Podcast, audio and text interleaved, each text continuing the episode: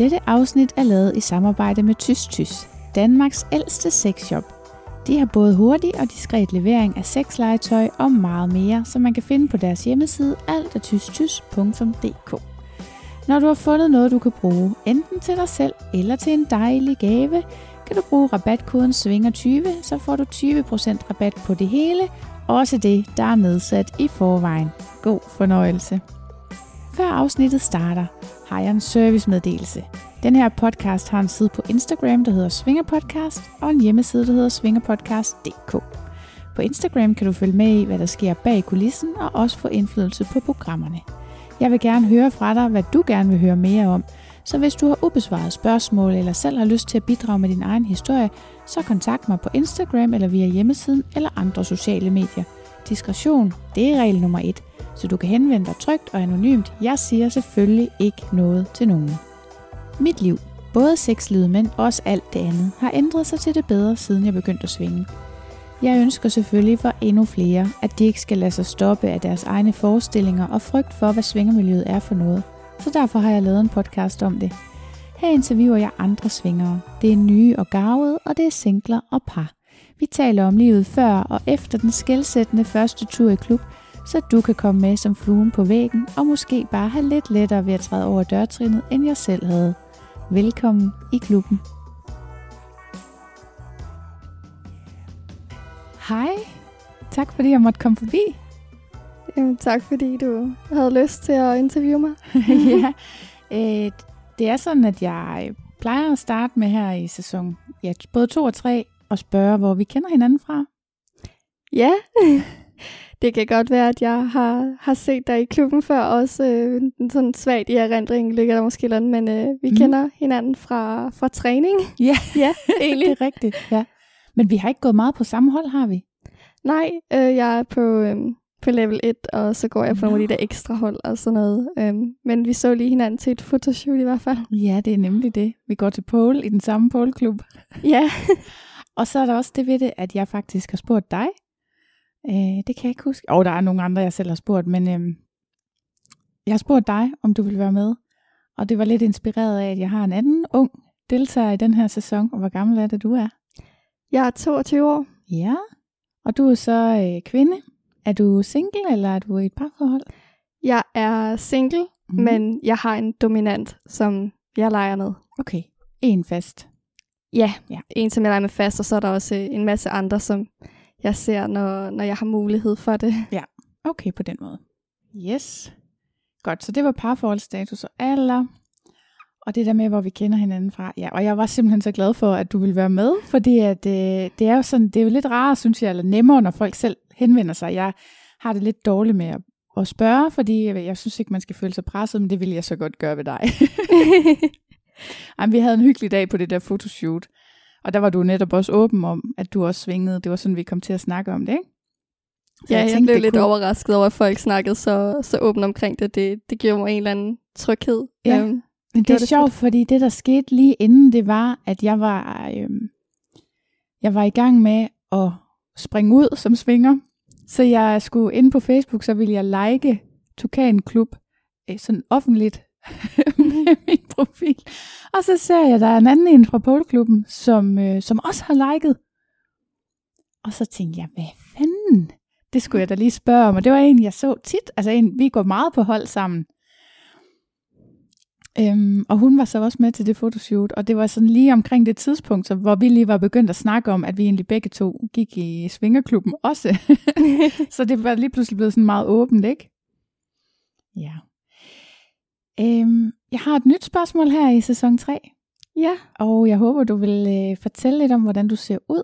Du bestemmer selv, hvad for nogle ting, du vil lægge vægt på. Det er, det er fordi, det, det mange er interesseret i, det er det her med alle de typer, der kommer i klubben, ikke?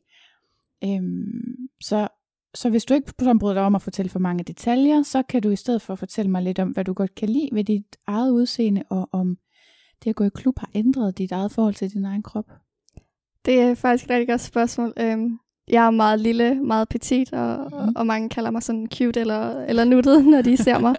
øh, jeg er 22, men, men jeg ligner bestemt ikke altid en på, på 22. Mm.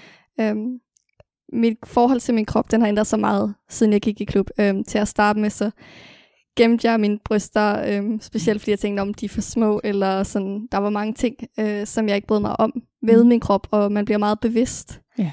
Øhm, men når man så er i klubben og ser, at der, der er så mange forskellige mennesker, og jeg også fandt min, min dominante, øhm, Mhm. som, er, som ligesom har mig nu, Ja. øhm, så ændrede hele øh, mit eget blik på, på min krop så også, og jeg begyndte at elske flere dele ved mig selv, fordi man også Fedt. bliver bekræftet i, at, at det er helt normalt, eller der er mange, der synes, det er flot og sådan noget. Ja. Øhm, og på et eller andet tidspunkt, så var det også som om, at jeg ligesom selv troede på, at Mm. okay, de, de, de mener det, og det er ikke fordi folk går rundt og dømmer hele tiden. Øh, folk er bare nysgerrige, ligesom jeg selv er. Ja. Øhm, og så pludselig så ændrer det sig sådan langsomt. Jeg er ikke helt nået der endnu, men det ændrer sig langsomt til, at jeg bliver mere og mere i gåsøjne ligeglad Ja. med, hvad Ja. andre siger. Det er rart, når folk synes, man er, er lækker, men jeg er også begyndt selv at synes, at, at jeg er sgu helt fin, Ja. som jeg er. Ja, jamen det kan jeg virkelig godt genkende. Jeg har bare svært ved at kende forskel faktisk på, om det er Svingerklubben, eller om det er Pole Fitness Klubben, der har gjort det for mig. Fordi jeg startede cirka samtidig med begge dele. Og der er også noget ved at, i Pole Klubben, at der er man jo også meget afklædt, ikke? Og man ser også alle de forskellige slags kroppe, der er, og ser, at de alle sammen er flotte på hver sin måde, ikke? Også fordi man tit ser, at de køber um, rigtig pænt træningstøj og, ja. og ting, de som virkelig godt kan lide at have på, uanset hvordan de ser ud. Og det, Ja. Der er et eller andet virkelig fedt ved, at folk bare står ved, hvem de er. Ja. Det er meget befriende. Og Ja. det smitter. Ja. Så øhm, når du ikke lige går i klub, hvad laver du så? Så studerer jeg på, på universitetet i Odense. Ja. Og udover det, så hænger jeg selvfølgelig også ud med mine venner. Jeg er så heldig at bo, sammen med andre også øh, omkring mig. Øhm, og så har jeg selvfølgelig min, min dominante, som godt kan lide at også holde mig til min træning, faktisk. ah, fedt. det er Hold dejligt. kæft, jeg kunne godt bruge en her i corona, der ville holde mig til ja, det har været betydeligt rarere, end jeg regnede med, selvom det har været lidt hårdt. Jamen, det er godt. Må jeg høre om øh, din... Før... Altså, hvor længe har du været svinger? Faktisk i et stykke tid. Ja. Ja. Øh, jeg startede, da jeg var 19. Ja. Øh, med en øh, ekskæreste på det tidspunkt, så var vi bare sådan venner med, med fordel på en eller anden måde. Ja. Øh, vi knaldede sammen. Ja. Og um, så var det ligesom en af hans fantasier, at han kunne godt tænke sig at prøve at tage afsted, og, og jeg tog med og havde rystende hænder og tænkte, hvad Ja. er det, jeg laver? Ja. øhm, men det, det var en rigtig god oplevelse, og så tog vi derhen som par en del gange, og så i sidste sommer, hvor jeg valgte at afslutte forholdet, Mm. så tog jeg afsted alene i hele sommerferien, sådan Ja. hver, hver weekend stort ja. set. Øhm, og det var super fedt, og det, det har jeg gjort lige siden. Mm. Så, så det var mest da, da jeg var fyldt 21 og havde afsluttet jeg sådan rigtigt kom i gang Okay. med også at udforske svingerklubben selv, og ja. ikke kun det, som min partner også gerne vil. Mm. Men havde det... Altså, det har jo stadigvæk været sjovt sammen med ham, tænker jeg, når, når det nu var, at I blev ved med at komme tilbage. Ja, det, det var en fed oplevelse første gang, vi var afsted, og vi blev enige om at, at få medlemskab. Ja. Og så var vi nok afsted øh, på et tidspunkt øh, en gang sådan om måneden. Ja. Det stillede sig lidt af, der ko- kom jo corona, det blev lukket ned, og. Ja. og der var nogle ting der også. Men, men udover det, så sådan bestræbede vi os på at komme afsted en gang om måneden. Mm. Hvordan kom det på tale? Altså, fordi det er jo det der, det er det, jeg er sådan lidt nysgerrig på, hvis man aldrig har været i klub før, og så en eller anden skal jo sige, nu siger du, han, det var ham, det var hans forslag, ikke? Hvordan fik han det formidlet, uden at du blev ked af det? det ligger lidt fjern tilbage. Ja. Men han, øh, vi har altid snakket, øh, jeg snakker altid med, med både min, mine venner og, og med folk, jeg altså, bor sammen med, generelt med, med alle mennesker. Mhm. Mm-hmm. Øh, meget åbent omkring sex. Ja. Øh, nok fordi jeg selv synes, det er et interessant emne, men også Mhm. mm-hmm. fordi at jeg synes, det er noget, man ikke behøver skamme sig vildt meget Nej. over. Øh, og vi, havde, vi var allerede sådan inde i noget øhm, SM og noget BDSM, altså noget Ja. lidt hårdere og noget, noget leg med noget dominans og lignende. Så jeg tror, det gjorde det måske lidt lettere, at man ligesom allerede ikke kun havde haft sådan meget blid sex og meget ja. almindeligt, det som alle andre kan blive enige om. Øhm, Mm. men at vi ligesom også havde leget med nogle, nogle kinks og nogle fetishes før. Fordi så var det, altså, fordi så havde I en forestilling om, at I ville mere møde det i klubben, eller hvordan, hvordan er det en gateway ind i klubben? jeg tror, det var sådan en gateway for ham, fordi han var ikke så nervøs for at spørge mig, Øh, fordi at vi, vi jo allerede leger med, med noget lidt hårdt, hvor jeg ligesom har nogle stopord, og hvor ja. at, at jeg kan sige fra, og når, når han så er tryg ved det, så spurgte han mig om, Mm. hey, hvad vil du egentlig synes om, Ja, okay. hvis vi prøvede det, for det var hans fantasi, og for mig, der var det nok en hel forestilling om en masse stereotyper, altså Mm. omkring alt muligt. Så jeg var lidt tilbageholden, men tænkte, at øh, man er jo nødt til at prøve det, før man kan vide det. Det er nemlig rigtigt. Det er en god indstilling. ja, så du gik med til at prøve det den første gang? Ja, vi fandt mm. en... Øh, ja, vi søgte lidt om det, og vi søgte også nogle forskellige ting. Vi var også inde på, på Smils hjemmeside, for Ja. det er jo sådan lidt mere hårde, lidt mere SM. Jeg prøver lige ved smil. Hvad er det nu lige, det er? Øh, Smil, det er en øh, klub, og jeg tror, de har flere over landet. De har i hvert fald en i Odense. Mm. Øh, en af mine gamle veninder har også øh, været derinde og har talt egentlig meget godt om det. Ja. Så det overvejede vi. Vi nåede aldrig derind, øhm, fordi at vi også besluttede os for, at det måske på en eller anden måde ville være... Altså, hans fantasi var jo en svingerklub, okay. og ikke en SM-klub. Nå, og, Og- og smil er SM-klubber. Hvad står smil for? Jeg er faktisk ikke helt sikker. Nej. Det er jeg lang spurgte tid andre, der siden. ikke vidste det. så skal du ikke være ked af. Det er sådan jeg bare... burde bare google det, ikke også? det er jo sådan, jeg, jeg har bare hørt det, jeg sådan, hører, har hørt fra mine øh, gamle veninder, der har, der har været Okay. derinde. Ja. Og de, de kan godt lide det, og det er sådan meget med fokus på SM, altså Mhm. mm. hvor det både er med, med piske, hvor det er med øh, bandage, og hvor det generelt er med det her dominans og, og, og underdanighed og sådan noget. Mm. Mm. Okay, så det er ligesom fokuset kun der. Ja, Ja. ja. Sådan, det er ligesom om, at uh, The Red Room i, i klubben, Ja. ja. det ligesom er blevet pustet ja. op til, til hele lejen. Okay. Øhm, men så tænkte vi, at hvis det skulle være en svingerklub, så skulle, kunne det lige så godt være en af dem, der ligesom var tættest på os. Ja. Øh, på det tidspunkt, der var det så Tukanen. Ja.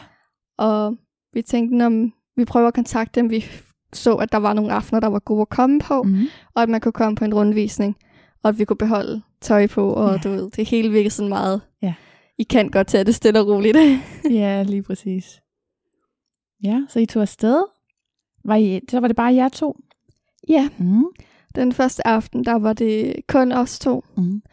Øhm, og så legede vi ligesom, vi prøvede at lege sådan lidt foran andre. Vi var også Mm. inde i et rum, hvor vi trak et, et gardin for, Ja. for at vi ligesom stadigvæk kunne være øh, privat, øh, mm. hvor folk kun kunne høre os. Mm. Øhm, men generelt det der med at vise sig frem, at, at vise, man har øh, noget sexet undertøj på, men jeg Mm. nok havde købt nok mere specifikt til den lejlighed. Ja. øhm, og at man kunne sidde i spa sammen med en masse andre mennesker, lære nogen at kende og, Ja. og snakke med folk. Det var, det var rigtig fedt.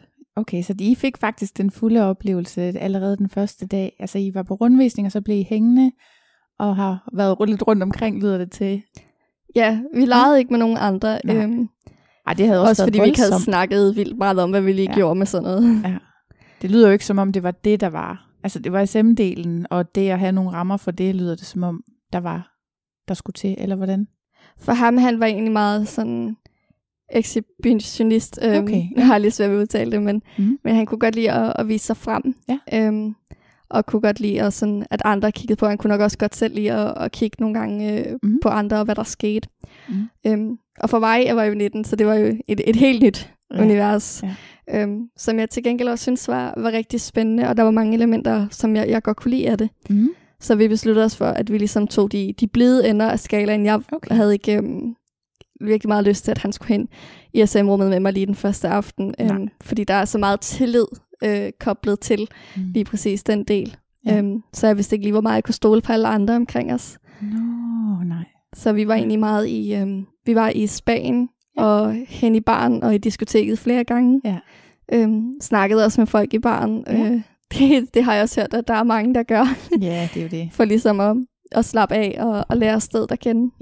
Men det er jo helt sikkert det. Man kommer, og så har man sådan nogle snakke, der i virkeligheden minder lidt om den, vi har nu, ikke? Og hvor man sådan, ja, finder ud af, at der er andre fuldstændig ligesom en selv, der også er afsted. Men det lyder jo så som en god aften. Det var en, en meget vellykket aften. Ja. Øhm, og, det, og det var også den del, han, han ville med, hvor at, at jeg også synes, det var, var fint at, at lege med folk, og det er nok også der, vi disconnected lidt. Okay, ja. Fordi øh, så, så var I afsted nogle gange, cirka en gang om måneden, sagde du? Ja.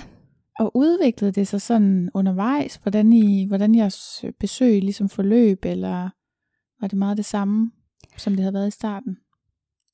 Det blev sådan, vi åbnede mere op, Mm. mm. øhm, så vi kunne også lege sammen, uden at gardinerne skulle trækkes for, og uden at gemme os for meget. Øhm, og så så vi et arrangement, som, som jeg personligt blev rigtig vild med. Mhm. Øhm, Dark Desires. Ja. Og det, det er også med fokus på SM-delen, Ja. øh, og, og fokus på, på det her med, med dominans og underdanighed. Hvordan er det anderledes end de andre aftener? Jeg har ikke været til sådan en. Det er en aften, hvor at du kommer ind, øh, og man, man er en, enten kan man kan godt være submissiv alene. Mm. Jeg kom der så som, øh, som underdanig med Mm. ham som min øh, top, som min dominante. Ja. Og så til at starte med, så bliver man egentlig delt op, og alle os øh, submissive, vi kommer hen, og så får vi reglerne for sig, og de får mm. reglerne for sig. Okay, ja. Så er der bygget en masse regler op om, jamen vi må ikke sidde i møblerne, og, og vi må ikke snakke uden at få lov, du ved. Ja. Der bliver sat en, en stemning Ja. for at skabe fokus på det. Ja. Og hvis vi bryder reglerne, får vi en streg, og når man så har tre af dem, jamen så kan man så får man en straf, og den Okay. kan aftales med, at vi der er nogle, øhm, egentlig lidt nogle, nogle vagter gående rundt. Ja. Øhm, men vi kalder dem for vogtere, Mhm. og de sørger egentlig hovedsageligt for, at vi er i sikkerhed, Mm. at der ikke kommer nogen, der har misforstået, hvad arrangementet og hvad BDSM egentlig drejer sig om, at der ikke Ja. kommer nogen og bryder grænser, for det er ikke det, man, man ligesom skal være ude på. Ja. Og, og sørge for, at alle har en mulighed for at sige fra. Ja. Øhm, og specielt de submissive, som måske har våget sig derhen alene. Der, der har været, jeg tror, 5-6 stykker. Mm. De gange, jeg har været sted i hvert fald, der ligesom har våget sig ud i at, at være der alene Ja. uden en dominant. Ja. Og de skal selvfølgelig også have lidt ekstra beskyttelse. Det er klart. Okay, Nå, så det er en helt anderledes aften, kan jeg forstå. Ja, det er en meget speciel aften. Mm. Men jeg går meget op i sådan stemninger, Ja. og jeg bliver revet med af en stemning. Så Mm. mm. hvis folk er meget tilbageholdende en aften, Ja. så er det meget det, der også smitter af på mig. Ja. Mens at når, når folk er, er mere åbne, jamen, så åbner jeg mig også mere op. Og okay. den aften, den er meget, den er meget stemningsbetonet. ja, det lyder Men- sådan. ja. Altså, det lyder som sådan et helt arrangement af, på en måde, som hvor at mange af de normale aftener, det er jo næsten lidt ligesom at gå i byen, ikke? Bortset fra, at der er en masse rum, man kan gå ud og mundre sig i, ikke? Det er en meget god beskrivelse egentlig. Nå, men det lyder sgu da sjovt. Der er jo det særlige ved dig, det har vi snakket om før, at du er ung. Har du tænkt over, hvordan det er anderledes at være ung i klubben, end det er at være mere øh, sådan midaldrende, ligesom mig? Ja, det har jeg. Øhm, man får selvfølgelig rigtig meget opmærksomhed fra, fra fyrene, mm. øhm, fordi det er nok... Øhm, det, jeg vil ikke sige, at der ikke ses unge mennesker i klubben, fordi jeg har set masser af, af unge mennesker i klubben. Øhm, men det er nok sjældent, at der er nogen, der ser så unge ud, som jeg er. Jeg bliver Mm. tit skudt til at være lidt yngre også. Ja. Øhm, så vil sige, man, man får en del opmærksomhed, øhm, og man skal være god til at sige fra. mm. Og det er nok, øh, det var i hvert fald for mit vedkommende, meget svært. Ja, Specielt i starten, Ja, og da specielt kom da jeg var selv. alene. Ja. ja. okay. Ja, nå. Er, altså, har det været sådan ubehageligt for dig, eller? Det har egentlig ikke været ubehageligt, øhm, og det har det nok ikke været netop fordi, at, at jeg havde nået at lære meget personale at kende. Mm. Så jeg vidste ligesom, Så du var tryg selvom? Ja. Ja, okay. jeg vidste også, hvem jeg kunne gå til, hvis der pludselig var en, der blev for anmæsende eller for Ja. pressende, eller hvis jeg selv bare generelt ikke kunne finde ud af at sige fra. Det Ja. jo også en, proces, at man lige skal lære det. Ja. Øh, jeg har kun haft øh, egentlig en oplevelse med en, der ligesom ikke forstod, Mm. øh, at, at nu sad han for tæt på mig og, og Ja. rørte for meget ved mig, og, og generelt øh, sådan gerne må tage det lidt roligt, og, Mm. og på, det var på trods af, at jeg sagde det til ham. Okay. Øhm, men der sad vi i baren, og selvom personalet havde travlt, jeg tror, de var i gang med at stille et eller andet frem, eller sådan noget, mm. Så kommer en af, af mine andre venner, en af dem, jeg har lært at kende i klubben også, og, Ja. og skubber ham lidt til side, sådan, ja. får ham til at slappe lidt af. Ja. Øhm, og det er jo også, fordi han er ung, og øh, han var heller ikke så gammel, så han skulle også lige Mm. på en eller anden måde lære at være i det. Ja, Ja, men det, jeg kan også godt, jeg kan da selvfølgelig godt forstå nu, at der er alle mulige godter her, og så får man lyst til bare at tage for sig, især hvis man måske er ny og ikke rigtig har forstået øhm, de her regler med, at nej er nej, og sådan noget som, altså det synes jeg i hvert fald som kvinde, når man ellers går i byen, kan man jo godt lidt have en oplevelse af, at man bare sådan er hver mands eje på en eller anden måde, ikke? Der, man må godt røre lidt ved røv og bryster, og hvad har vi, når man går rundt, og det er i virkeligheden pisse irriterende, men det kommer man jo ikke ud for dernede. Så det kan godt være, det er derfor, der er nogle grænser, der er lidt, man lige skal lære, hvis man er ny. Og måske ikke er så vaks, tænker jeg også lidt. Altså. Ja, det er jo også, altså, det er jo svært netop, fordi som du selv siger, ude i byen, så må man jo gerne lige tage en hånd på det. Jeg ved ikke, om man nogen, må, gør det. men uh, det sker ret tit. ja. Det er jo ikke lige frem, fordi de har spurgt om det nede i byen, men uh, ja. i klubben, der er der jo strenge regler for, at, at man spørger først. Ja, uh, og ligesom, at, at de ting er på plads. Mm. Øhm, og det er, jo, det er jo også svært, hvis man måske ikke lige har talegaverne helt ja. i orden, så kan man godt føle sig meget presset, når man ja. måske ikke er den bedste til at, at charmere sig frem og blive lidt usikker. Ja, hvad gør man så? Så må man bare til at bruge næverne eller sådan noget, ikke? Nå, så jeg kan godt se det der, det er rigtigt, der er øh, også ekstra opmærksomhed om de unge kvinder, altså i forhold til sådan nogen som mig. Øh, er du bekymret så for at blive ældre? Altså er det virkelig sådan, hvordan er det for dig at have den der stjernestatus? Jeg ved ikke, for mig der har det nok været lidt svært. Jeg bliver meget hurtigt generet. Ja. Øhm, men jeg er også ufattelig øhm, på en eller anden måde taknemmelig for meget den hjælp, jeg har fået, fordi jeg har lært at sige fra. Mm. Øhm, allerede nu øh, kan, jeg, kan jeg godt sige ja. også hårdt fra, når det, ja. når det er nødvendigt. Og egentlig så øh, nyder jeg måske lidt opmærksomhed. Jeg nyder ja. meget opmærksomheden også selvfølgelig. Ja, selvfølgelig øhm, jeg bliver bare også hurtigt overvældet nogle ja. gange af den. Ja. Øhm, og jeg havde nok også en krise til min fødselsdag i, i februar, fordi så er man pludselig et år ældre og tænker, kan vide, hvor mange af de helt gode år, jeg egentlig har tilbage? altså jeg skulle hilse at sige, at selvom man bliver 39, så synes jeg ikke, at det er øh, ubehageligt træls. Altså det er ikke sådan, at, at der ikke er noget opmærksomhed tilbage, fordi man kommer lidt længere op i årene.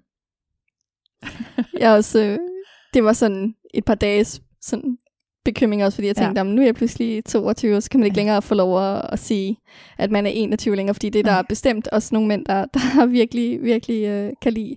Ja. Men, øhm, men nej, det er heller ikke noget, jeg bekymrer mig så meget om. Jeg har egentlig mange af de, de kvinder, som jeg ser meget op til, og, og på en eller anden måde også øh, synes er, er rigtig lækre, og har mm. en eller anden charme. Det er også nogen, der er langt over 30, og nogle gange også 40, mm. øh, som jeg egentlig synes har ja. den, den største tiltrækningskraft. Ja. ja, men der er noget øh, styrke tit i folk, der er sådan øh, lidt mere oppe i årene, ikke?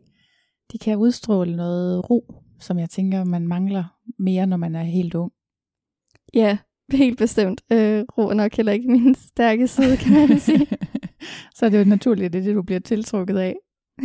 Hvordan var det anderledes så at begynde at komme der øh, uden en partner?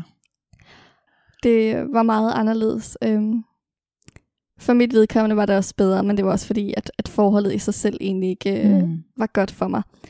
Men det, der ligesom blev anderledes, var, at det blev mere åbent. Ja. Øh, tit når man er i et forhold, så har man en masse regler og en masse på spil øh, ja. hele tiden. Man skal hele tiden holde øje med hinanden og passe på hinanden og, ja. og se, om, om, om det er okay med begge parter og sådan noget, i stedet mm. for bare at, at slappe af og nyde det. Og det er ikke for at sige, at det ikke sker for par, fordi selvfølgelig masser af par, de har været der længere, end, mm. end jeg havde med min kæreste, og, og, og de kan godt finde ud af det.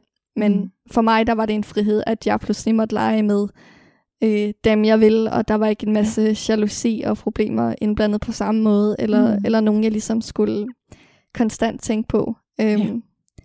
Det kan jeg faktisk rigtig godt genkende. Jeg har prøvet at have et par stykker med, som jeg havde mødt uden for klubben, som ikke var, øh, som ikke kom i det miljø, før de mødte mig og der fyldte det ekstremt meget. Altså man kunne næsten, det var næsten sådan, især med den ene, var jeg næsten sådan nervøs over at sige, hvad for nogle mænd, jeg synes, der var tiltrækkende. Og det gør det altså svært, når man hele tiden skal være sådan meget over i den anden, ikke? Og man ikke helt, men det er måske også noget med, hvor, hvor god relationen er, og så videre, ikke? Det tænker jeg, at betyder noget. Jeg tror, det betyder rigtig meget. Nu har jeg selv kunne mærke forskel. Øhm, jeg har ingen romantisk relation mm. med min dominante øh, på nogen måde. Han, han har. Øhm, okay, ja. Men der er en kæmpe forskel på, at jeg var der med min, med min ekskæreste, yeah. og så på at være der med min dominante, for det er et helt, for det første er det et helt anden form for relation, man har, mm. øh, og den er dyb og, og, og speciel på, på rigtig mange måder. Yeah. Øhm, men den er også, for at en, en sådan dominant og submissive øh, relation, den kan fungere, så kræver det rigtig, rigtig meget mm. ærlighed og, mm. og rigtig meget tillid og, ja. og tryghed. Så, så jeg kan mærke en kæmpe forskel på at være der med min eks, for der skulle jeg sådan hele tiden holde øje med ham, og han skulle hele tiden holde mm. øje med mig, og yeah. hele tiden se hinanden anden og finde ud af at være i det sammen, mens at her der kan jeg bedre give slip og stole på, at hvis der er noget som helst, jamen, Mm. mm. så siger han det. Og så finder I ud af det bagefter, hvis det er. Lige præcis. Altså man ved ligesom, jamen vi kan snakke om det, vi kan hele tiden sådan justere Mm. det ind, og, og den rytme havde jeg ikke med min ekskæreste, fordi vi, vi ligesom ikke havde den connection med hinanden. Nej. Hvordan ved man, om, om den er der? Ved, kan du sætte ord på det? Jeg tror, at den, den største forskel, altså den, den, den, den helt store ting, jeg tror har ændret sig, Mm. det har egentlig været ærligheden. Ja. Øhm, Hvordan får man den i spil? Ja, det er egentlig ved, at begge parter beslutter sig for det. Ja. Øhm, at, at man vælger at sige, at der skal ikke være forskel, altså begge parter skal være lige ærlige over for hinanden. Ja. Og, og man skal lade være at holde ting skjult, eller holde noget tilbage, og så skal Mhm. der være plads til det hele.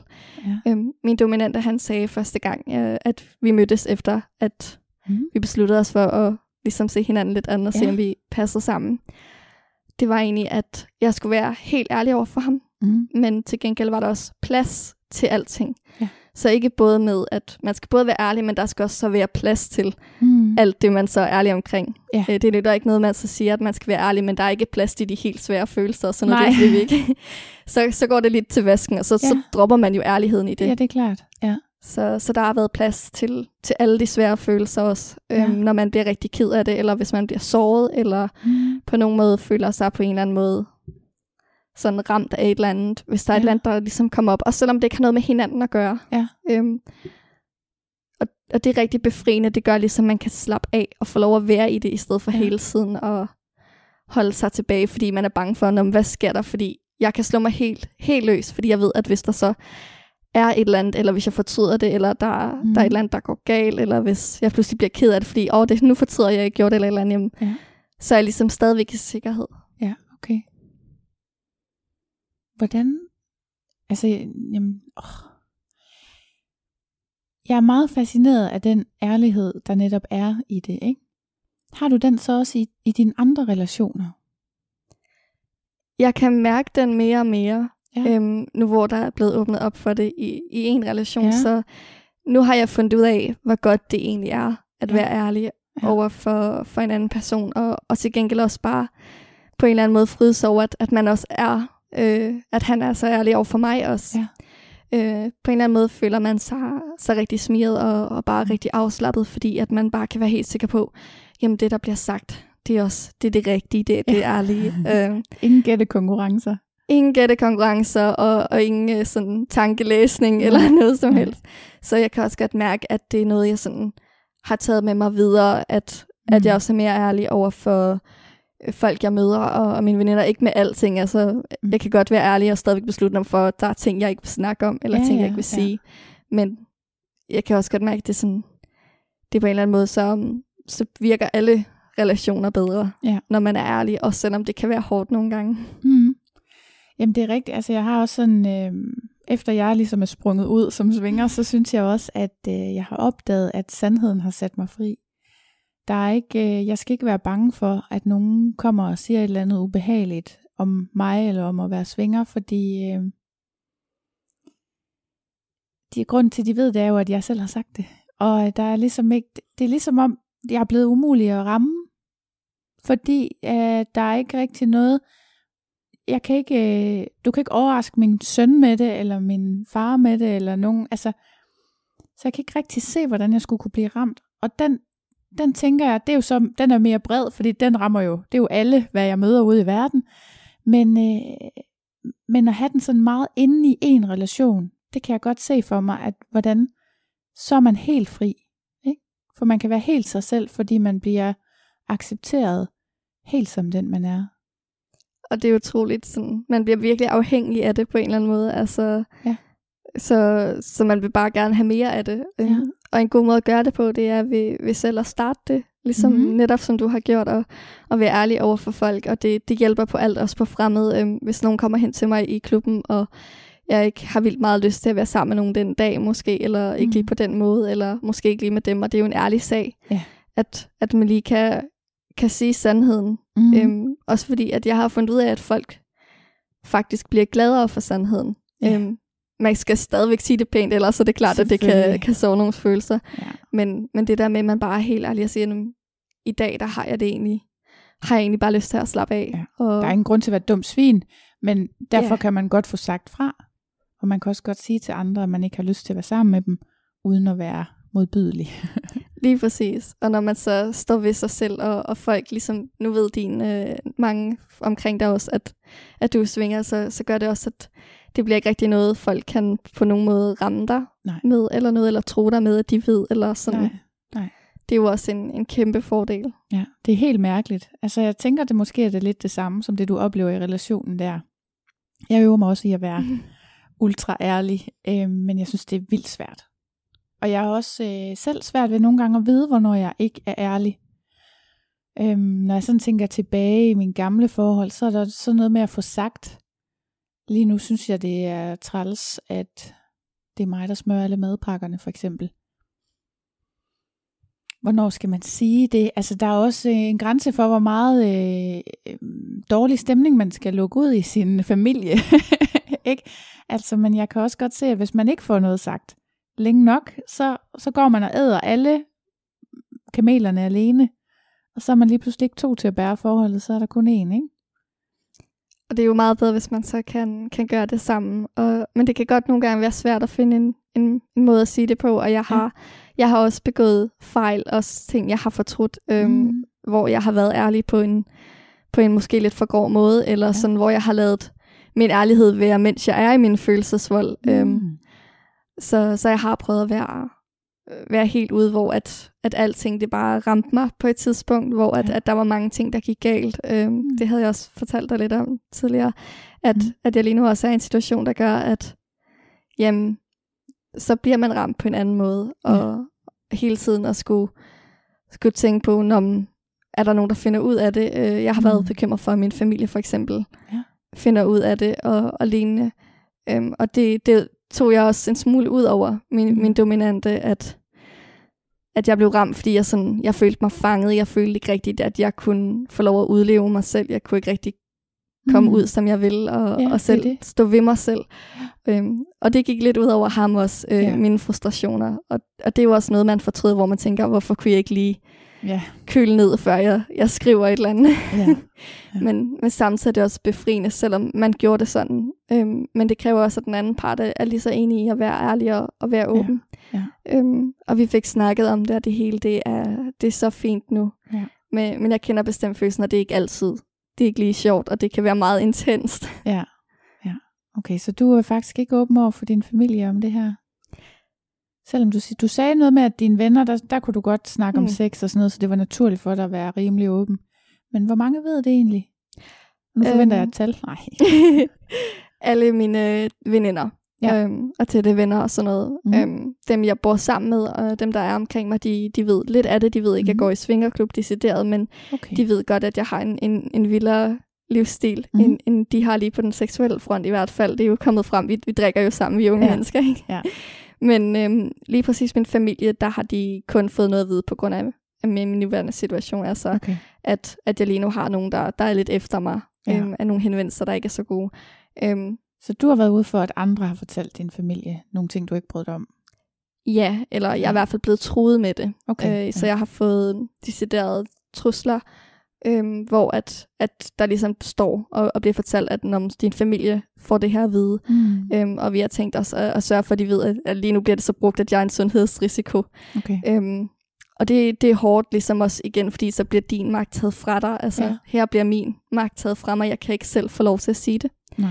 Øhm, men så er det egentlig også bare, at altså, jeg tog beslutningen om, at mine forældre skulle måske ikke lige vide svingerklubdelen til at starte mm. med. Øhm, mm. Jeg har det fint med, at de finder ud af det nu, egentlig. Ja.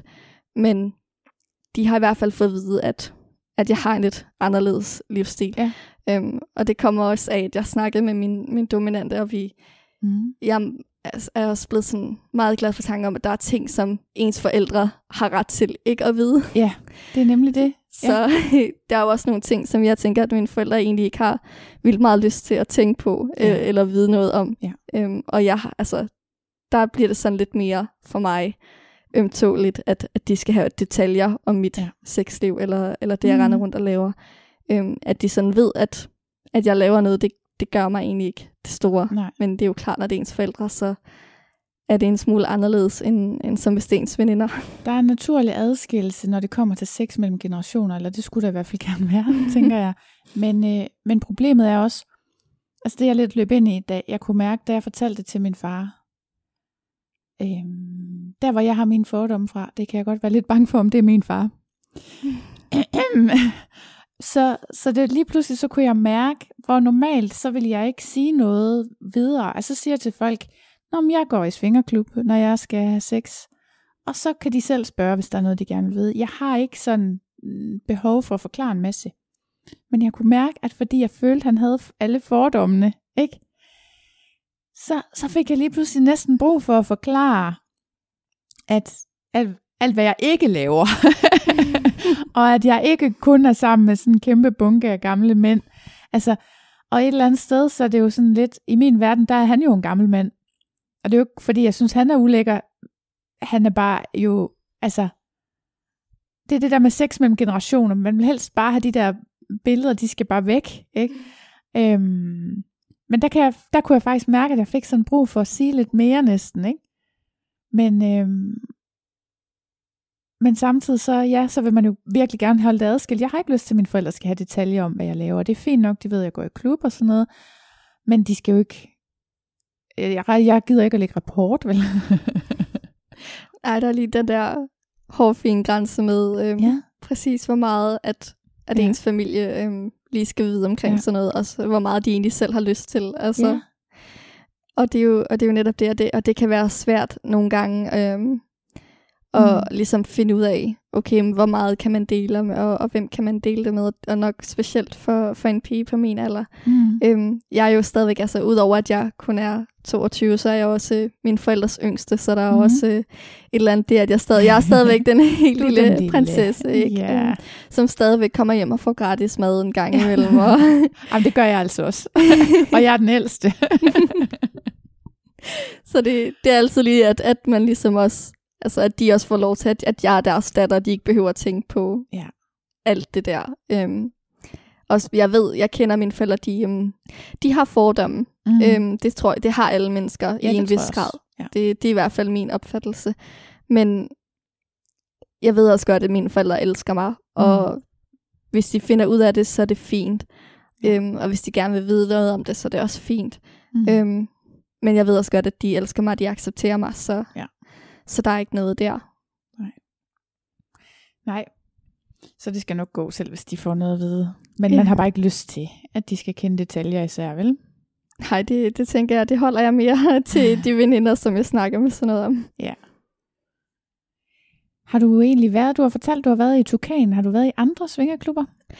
Kun en enkelt gang, men det var faktisk ikke til en almindelig aften. Nej. Øhm, det var til et fotoshoot. Nå, ja. øhm, jeg kan godt sådan have mange betænkeligheder ved min egen krop, og med ja. at være på billeder og sådan ja. noget, men øhm, jeg har også fundet af, at når jeg skubber mig selv ud i de der ubehagelige situationer, får jeg mm-hmm. også rigtig meget ud af det tit. Ja. Øhm, og det gode ved billederne er jo, at man altid kan, kan vælge, at der ikke er nogen, der skal se dem, hvis ja. der og, og det var i forbindelse med jul. Uh, det var i en mm. svingerklub i København. Mm. Uh, jeg kan ikke helt, eller tæt ved København, jeg tror den er tæt ved Slagelse faktisk, eller sådan noget. Okay. Jeg kan ikke huske um, præcis, hvad den hedder, men vi, vi dukkede op, og det var et et super fint sted egentlig. Mm. Øhm, og man, yes, på den måde fik jeg også lov til på den måde at se lokalerne ja, det egentlig, og ja, det, det, så det var faktisk en rigtig, rigtig god idé, øhm, at jeg kunne, jeg kunne se deres SM-rum, og jeg kunne ja. se deres bar og deres sådan lille dansegulv og sådan alt det, alle de faciliteter, de har mm. øhm, i dagslys, og, og mens vi fik taget billeder. Øh, det ja. var med en, øh, en anden pige, ja. som øh, min dominante også havde. Ja på det tidspunkt, vi tænkte, at vi skulle simpelthen forkæle ham til, til jul. Ja. Så der skulle tages nogle billeder. God julegave. ja, vi tænkte, det, simpelthen, det bliver sådan hver advent, så skulle han lige få ja. nogle billeder. Ja, um, fedt. Det var en, en rigtig god idé, og jeg er glad for, at vi gjorde det. Um, ja. Men det har også sådan gjort mig smule sulten på, at når det hele åbner op igen, for ja. det her det er jo vildt frustrerende, at ja. det lukker ned. Ja, tak. Um, at så skal jeg helt klart også på tur rundt ja. og, og se noget af det andet. Ikke at det nødvendigvis er, er noget, man så bliver ved med, men Nej. ligesom for at, at prøve det. Jeg har faktisk planlagt en klubtur. Mm. Jeg planlægger sådan en lille, jeg ved ikke om det bliver en sæson, eller om det bliver sådan nogle små bonusepisoder, når jeg har besøgt en ny klub, men jeg har helt klart planer om, at jeg skal rundt og besøge alle klubberne og fortælle i podcasten om, hvad, hvordan de er forskellige, ikke? For jeg synes, det er rigtig spændende, at, og jeg har, som jeg forstår det, når jeg taler med folk, så kan de alle sammen noget forskelligt. Så selvom det er en svingerklub, så er det stadigvæk noget andet at komme i en anden klub. Ja. Det tror jeg bestemt folk vil høre. Det vil jeg i hvert fald høre. Fedt. det, øhm, der, er også, der er jo noget specielt ved, at, at svingerkulturen, den, den er noget helt særligt, men mm-hmm. anden på, hvor at man sådan kommer hen, så er den også en smule forskellig fra, ja. fra sted til sted, og, ja. og menneskerne er, er anderledes, ja. så har et eller andet bånd til hinanden, end, end de har ja. et helt andet sted. Nemlig.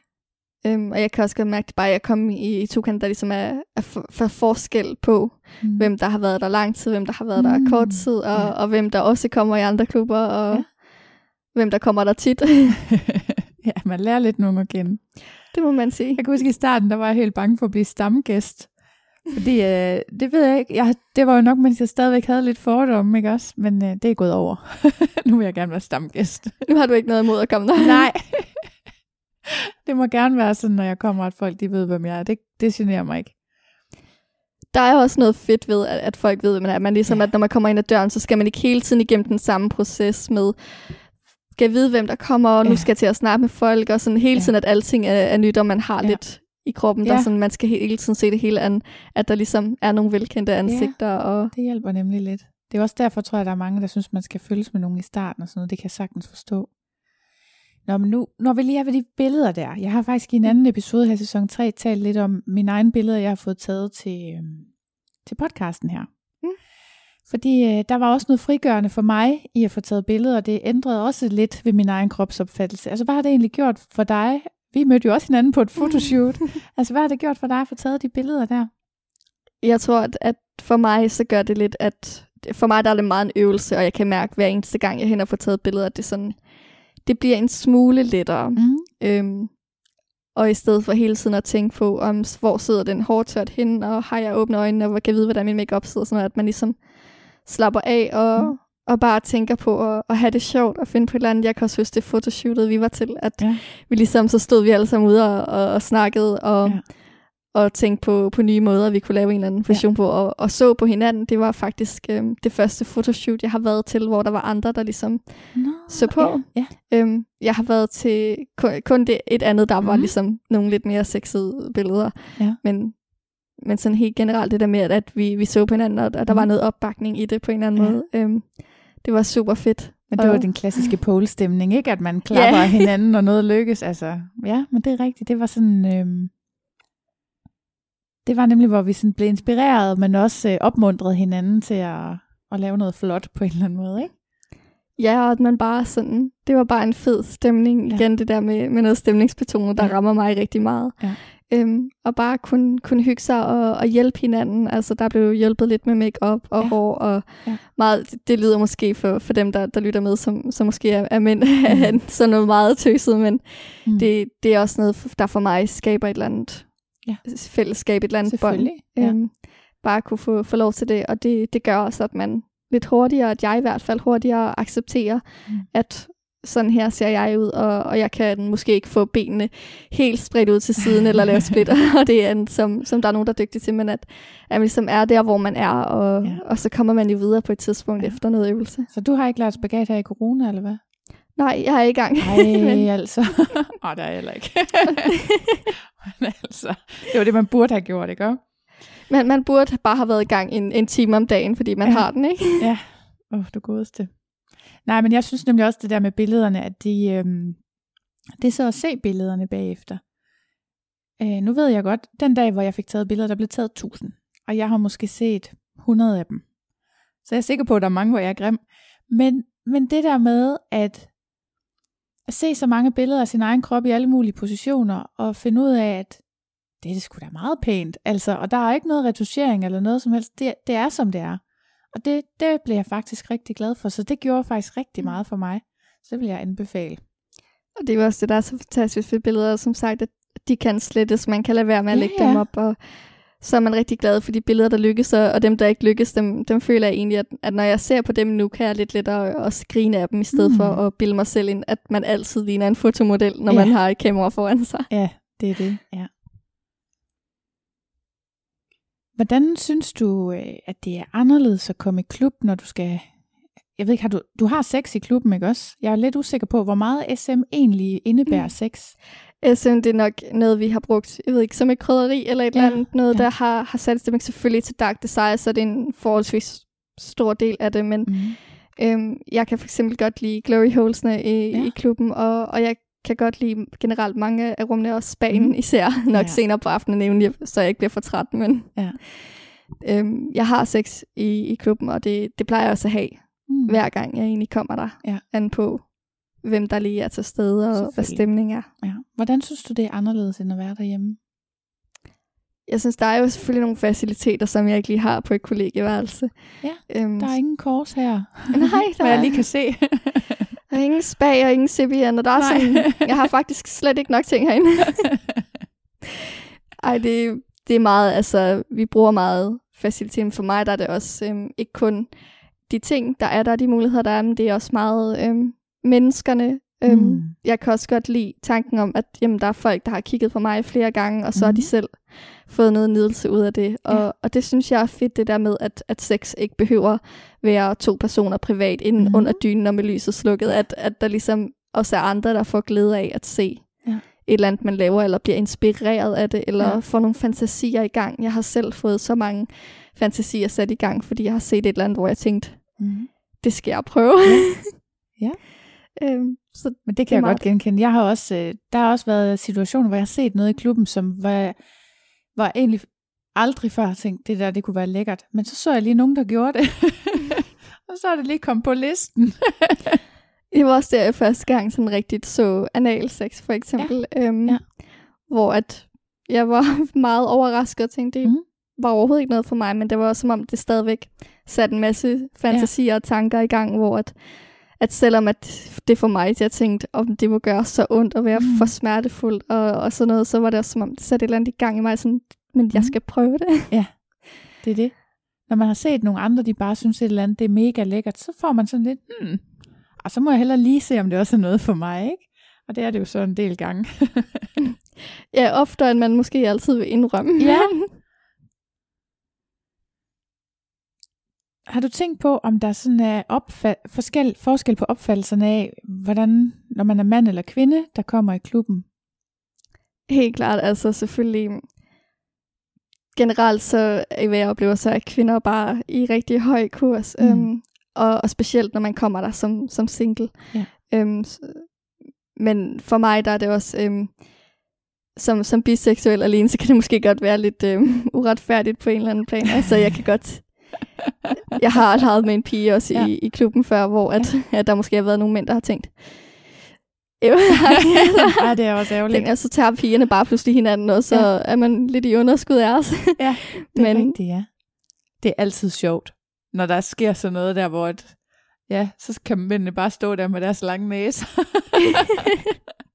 og se på, og så er det bare vildt frækt med nogle damer. Men jeg vil sige, de single mænd, jeg ligesom oplever, har mest succes. Øhm, der, der har faktisk også været mange af de helt nye øhm, mm. single fyre, der er kommet der, som jeg synes øh, får stor succes. Men det er mest, når de sådan står ved sig selv og har mm. selvtillid, men, men uden at være påtrængende, at de ligesom slapper af og ikke øh, hele tiden higer efter at finde noget action. Ja. Øhm, at de også er med på at, at slappe af, og at man kan godt sidde og snakke, og de skal ikke, øh, altså det er et andet miljø, det er ikke li- ligesom ude i byen, hvor de Nej. Skal købe en drink og, og score der på, på samme måde, altså mm. det er meget mere åbent, og, og de fyre, som, som jeg egentlig synes har haft har meget succes af, af de nye i hvert Mhm. fald, det har været dem, som kommer stille op og, og stiller spørgsmål ind til det, og Ja. accepterer, at de er nye, og de er ikke mm. verdensmestre i alting, og, og de mm. har Mhm. ikke været der før, og altså ligesom bare er i deres uerfarenhed på Ja. den bedste måde, Ja. hvor selvfølgelig kan de noget i, i seng, og selvfølgelig har de en masse at byde på, Det men at de indrømmer, at jamen, jeg har ikke været i klub så meget Ja. ja. før, og jeg har ikke prøvet det her, men hvor jeg har fedt af, Ja. hvad jeg har set indtil videre. Det er rigtigt. Det kan noget, at man, øh, man i det hele taget står ved sig selv, tænker jeg. Det er jo bare attraktivt. Og det er jo uanset køn, ikke? som vi også snakkede om før. Der er noget ved, at når man hviler i sig selv, og hvor man selv er i den proces, det jo også er at blive svinger, øhm, det er tiltalende. Og så kan man næsten være hvor som helst i den proces. Egentlig. Det, det synes jeg helt klart også. Altså, der har engang imellem været nogle øh, nogle mænd, som ligesom påstår, at, at de kan et eller andet, eller at de har været meget længere tid i det, eller Mm. sådan taler sig selv meget op, og det er jo meget naturligt, når, når de er vant til at skulle, skulle score på den måde. Ja. Øh, og det kan bare være lidt farligt på en eller anden måde, når, Jeg når man har- så pludselig oplever noget andet. Jeg har engang været sammen med en, der lovede mig, at det her det ville blive den bedste oplevelse nogensinde. Og siden da, der har jeg ikke været sammen med nogen, der pralede. Og det, jeg har oplevet, det er faktisk sådan et meget fællestræk, for, og specielt når jeg leger inden for, for SM og Mhm. BDSM og sådan noget. Så en ting, jeg altid skal være opmærksom på, det er, at hvis der er nogen, der vil slå på mig, så er det ikke bare at sige om ja eller nej på, om de er lækre, fordi Mm. det kræver også, at det er en, der har styr på det. Der, ja. Altså, man skal ikke tage fejl. Ting kan virkelig gå galt, når man leger med sådan noget her. Ja. Og, og så er man nødt til at passe på sig selv, og, og specielt de gange, jeg ikke har min dominante med, som Ja. ja. kan se dem andre måske, altså som har meget mere erfaring end mig, og, og bedre Ja. ja. kan gennemskue det, at så skal jeg pludselig selv tage stilling til sådan noget. Mm. Så, så jeg, jeg har også oplevet generelt dem, der praler meget. Øhm, det er egentlig dem, som, som har lidt for meget i munden, ikke? Altså, Jo, jo. Og, og lidt for ikke rigtig nok i deres evner. Nej. Mens at, at mange af de dominante, jeg har, har leget med, som virkelig har haft styr på sagerne, det, Mm. hvor jeg tænker, de kan nogle vilde ting, som jeg ikke engang vidste eksisterede. Jeg Ja. støder stadigvæk på ting, som jeg ikke ja. anede fandtes. Mm. Men, men de er stadigvæk meget ydmyge i det. Altså, Ja. de indrømmer også, jamen, så er der det her, de ikke kan, og det her, de ikke kan. Jeg vil Mm. måske stadigvæk kalde dem nærmest professionelle, ikke? Ja, men, ja, ja. men det er også på en eller anden måde rigtig betryggende, at, at man ligesom ved, at, Ja. at de også er klar over, hvor går deres grænser hen, og hvor går deres evner hen. Vi er jo tilbage ved ærligheden i virkeligheden, ikke? Altså, Lige at stå præcis. ved, at der er ting, man ikke har prøvet før, eller ting, man ikke helt har styr på endnu, eller, eller noget. Det er jo ikke en skam. Det, men man får et problem, når man lige pludselig skal til at være noget, man ikke er. Så, Ja. Altså, det er meget lettere bare at være sig selv, Ja. og når man ligesom også reklamerer sig selv Ja. som nøjagtigt det, man er, så går det hele også Ja. meget glat. Og det, altså, jeg har bestemt ikke noget imod at være sammen med en mere uerfaren fyr. Jeg har Mm. faktisk taget et par øhm, Mm. fyre, øh, jeg tror det var en to-tre stykker, Ja. med ovenpå øhm, helt nye. De ja. kom vist fra København, og skulle, Ja. det var deres første tur i klub. Nogle venner, og, og prøvede at give dem en oplevelse ja. på en Ja. eller anden måde. Det fede var jo igen bare, at de taler ikke sig selv for meget op, eller siger, de kan Nej, alt muligt. nej. De var ligesom i, i den proces, og indrømmer de nye, og der var også et eller andet, fordi der tændte mig rigtig meget, og tænkte, Ja. ja. så ved jeg, hvad jeg har. Jeg ved Mm. ligesom, hvad jeg arbejder med. Jeg ved, hvad Ja. kan jeg bruge det her til? Og, og så fik jeg en ny oplevelse, at Ja. på en eller anden måde byde nogen velkommen Ja, på min egen måde. Det synes jeg også. Altså, i det hele taget det der med at være, få lov til at være nogens første gang af et eller andet, ikke? Jeg har flere gange været, øh, været med til at være den første i- med partnerbytte. Og det er altså bare noget, der gør mig sådan helt varm indeni, når folk bagefter siger, ej, det har vi ikke prøvet før, det var altså en god oplevelse. Det, så ja, på den måde kan jeg godt, øh, godt lide det, ny, det nye og de nye. Som jeg har tidligere sagt jo i podcasten, at jeg ikke er så vild med de helt nye mænd. Og det er fordi nogle gange, så, så kan de have svært ved at være i det. Især hvis de ikke kan få det til at fungere sådan, som de gerne vil. Og det er igen det der med at hvile i sig selv. Fordi hvis man, hvis man bare er ærlig og siger, det går sgu ikke det her, lad os lige tage en tur i spa, så plejer alting jo at lykkes, ikke? Men hvis man bliver alt for besat af, at der er noget, der ikke lykkes, så, øh, så bliver det en lang aften, ikke?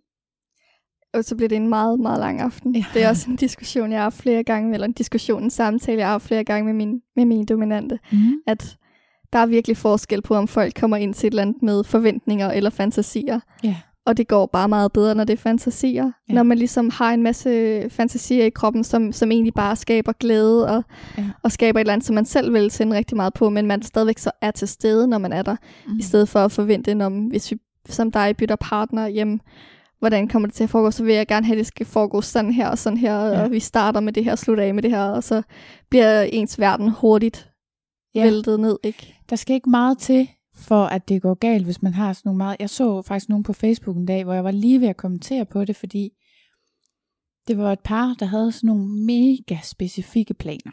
Ikke? Og hvem gider at være med til det her? Og så skal du stå der, og så sagde du sådan der. Altså det, det bliver bare vi totalt nede i børnehaven, ikke? Og det fungerer ikke rigtigt. Altså, når man er sammen med andre mennesker, og man har sex med andre mennesker, så skal der være plads til, at tingene bare udvikler sig, som de gør i den kemi, der nogle gange er mellem de mennesker, der er til stede. tænker jeg. Jeg vil gerne give det ret, at det er meget bedre, når man er autentisk. Mm. At, at i stedet for at planlægge det hele, og det hele det nærmest bliver mere et skuespil, end ja. at det egentlig bliver en leg. Ja, så, det. så bliver det, altså, nej, det, det er heller ikke noget for mig. Det er ikke noget, nej. som ligesom er med til at skabe lyst, når nej. alting det bare nej. er helt planlagt. At der slet ikke er noget råderum til, at man kan få lov at være sig selv, fordi man har fået at vide, nu skal du være det her. Ja, det er det. Ja, det er meget mærkeligt, men der er virkelig nogen, der har sådan nogle meget specifikke fantasier, og så skal det bare være sådan. Og det, det er jeg lidt, men jeg er også lidt fascineret af det, fordi at det har jeg ikke selv. Altså jeg er bare sådan, øh, Nå, så har jeg en aftale, og så er det det. Så ser vi, hvad der sker, ikke? Altså selvfølgelig, jeg, jeg har jo nogle præferencer, jeg elsker partnerbytte, men det kan man få til at ske, og så kan det også være, at man ikke kan få det til at ske den dag, og så har det jo stadigvæk været en fin aften, fordi stemningen er altid god, og altså, jeg ved ikke. Jeg har svært ved at forestille mig en dårlig aften i klub, men det kan være, det kommer. Det håber jeg virkelig ikke. Men, øhm. Jeg tror, det sker for mange, at de har en, en eller anden... Ikke en, det behøver heller ikke være en helt dårlig aften. Der Nej. er sjældent noget, der er 100% ja, godt, og sjældent noget, der er 100% andet. Og jeg har også haft en, en, en hård aften i klubben, hvor at, at tingene bare lige så stille brød sammen flere gange på en eller anden måde. Øhm, ja, min mest pinlige øjeblik var nok, da jeg faktisk prøvede mig på polen. Ja. Øh, jeg bliver tit sendt op i min dominante for lige at, at tage en sving om og danse lidt, og det er fordi, det presser mig. Jeg kan godt lide min poletræning, men mm. jeg mhm. har det svært med at fremvise ja. noget som det, specielt når det er dans. Øhm, mm. Så jeg bliver presset lidt der. Øhm, ikke mere end jeg kan tage, men den aften, der havde jeg også øhm, meget heldigvis fået skåret mig i fingeren med en kniv ja. tidligere, og ja. der var sådan en masse ting, der spillede ind der. Um, så der jeg prøver at lave en, det, der hedder en straddle, som du ved hvad er, ja. men der, hvor man skal vende på hovedet, ja. basically. Um, der kan jeg mærke en eller anden et klik igennem hele kroppen, ja. øh, og så falder jeg ned, uden jeg når at, at tænke over mere, og og det gør ikke ondt. Øhm, ja, man kan godt klare at falde ned for sådan en. Det gør ja. ikke ondt, som folk egentlig tror, det gør. øhm, medmindre man lander helt forkert. Det skal ja. jeg ikke kunne sige.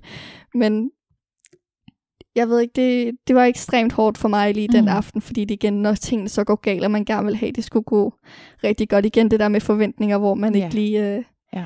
havde fået det hele. Altså det hele gik ikke lige, som man havde planlagt og forventet.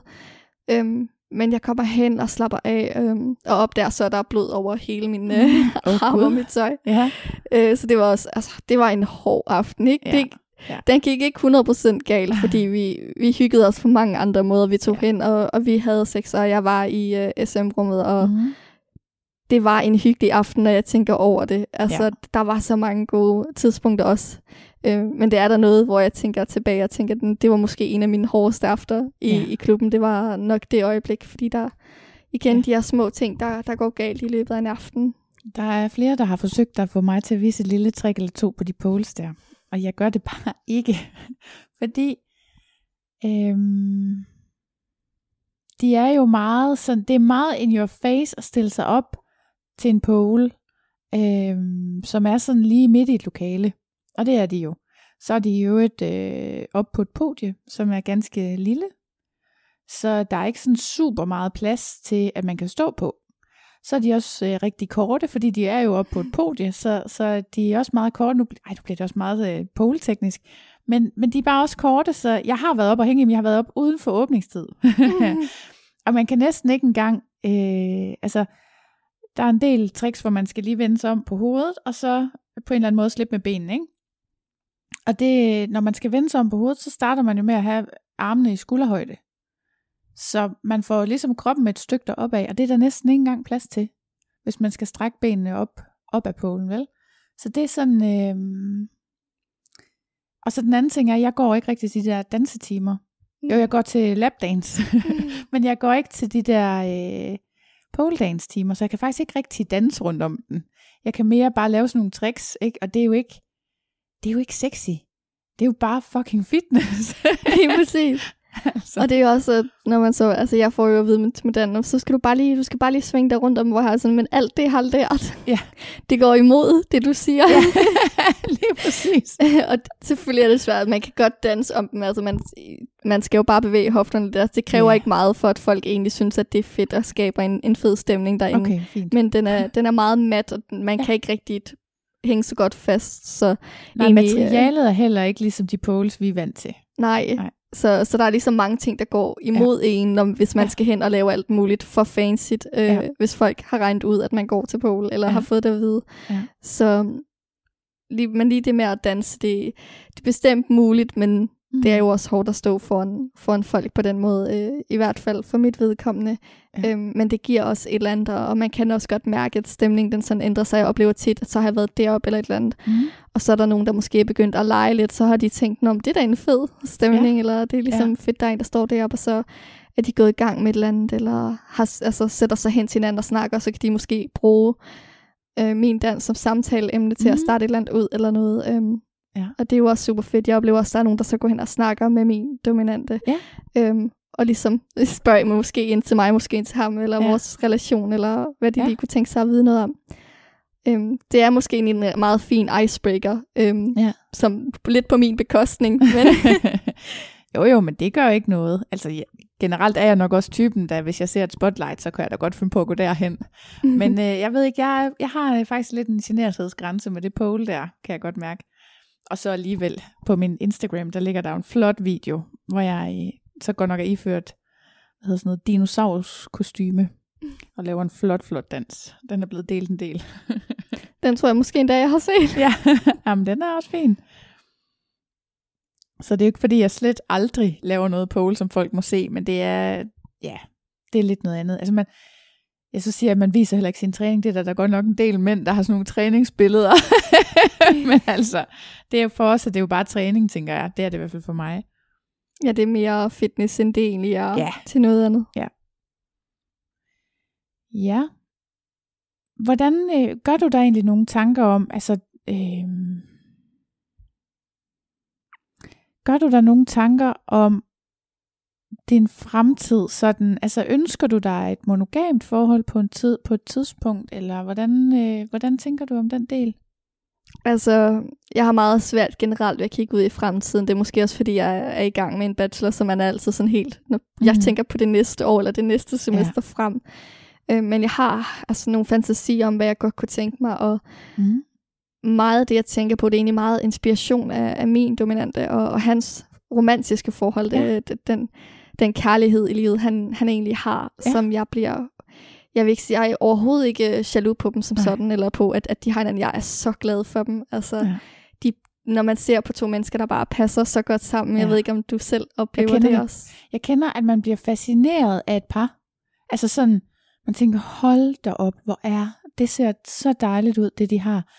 Og jeg, det har jeg også prøvet, og jeg har også prøvet det, hvor jeg har været sammen med manden, og på en eller anden måde, så kan jeg mærke, der er min chance for at blive forelsket, den er tæt ved nul.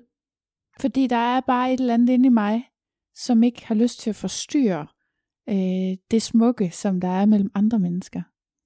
Og det er, jo, det er jo lige præcis det, jeg også snakker om. Det er egentlig rigtig, rigtig flot sagt. Det er jo, at når der er nogen, der ligesom er så perfekte sammen, der Ja. bare er så smukke sammen, så altså, jeg er så glad Mm. for dem generelt. Ja. Altså, men for mig, der er de også øh, de er rollemodeller Ja. egentlig. Jeg ser rigtig meget op til dem, og til Mm. mm. det, de har. Øhm, også fordi det er åbent. Ja. Øhm, og helt klart en kæmpe drøm for mig, det er også at kunne have netop et forhold, hvor at, jamen, jeg kan være ærlig over for min partner, og de kan være helt ærlige over for mig.